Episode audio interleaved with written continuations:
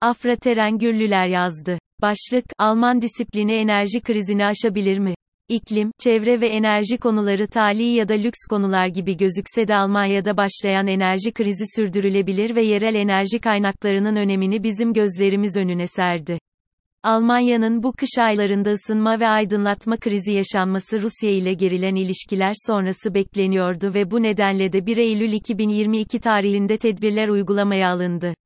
Bu tedbirler uyarınca kamu binaları 19 dereceden fazla ısıtılamayacak, mağaza kapıları sürekli açık bırakılamayacak, tarihi yapılar aydınlatılmayacak, mağaza vitrinleri ve billboardlar gece aydınlatılmayacak gibi pek çok farklı önlem yer alıyor.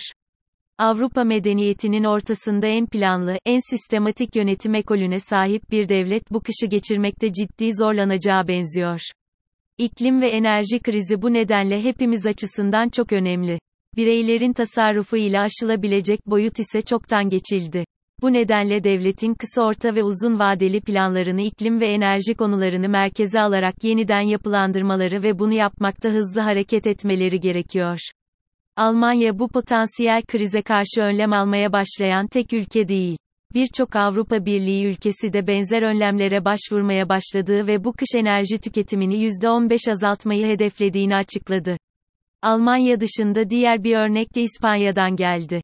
İspanya'da da kamu binaları ve büyük ticari binalarda klima kullanımına kısıtlama getirildiği açıklandı.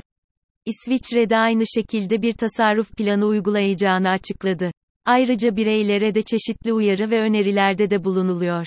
İsviçre hükümeti vatandaşlarına evde mum stoklamalarını, Rusya'dan gelecek doğalgazın garantisinin olmayabileceğini de daha önceden belirtmişti. Rusya'ya uygulanan yaptırımlar sonrasında enerji bağımlılığının nasıl bir risk olduğunu hep birlikte görmüş olduk. Bundan sonra daha büyük krizler için bize ders olması gerektiği tartışmasız. Enerji krizi öyle çok boyutlu bir kriz ki aslında tüm hayatı etkileyeceğini hep birlikte görüyoruz. Rüzgar ve güneş gibi sürdürülebilir kaynaklardan elde edilen enerjilerin temizliği konusunda da iklim bilimciler ve çevre uzmanları arasında tartışmalar devam ediyor. Fakat mevcut insan nüfusuna enerji sağlamak için en azından sürdürülebilir enerjilere yatırım yapılması şart zira örneğin şu an zaten bir anda tüm Türkiye'nin bu enerji kaynakları ile tedarik edilmesi mümkün değil.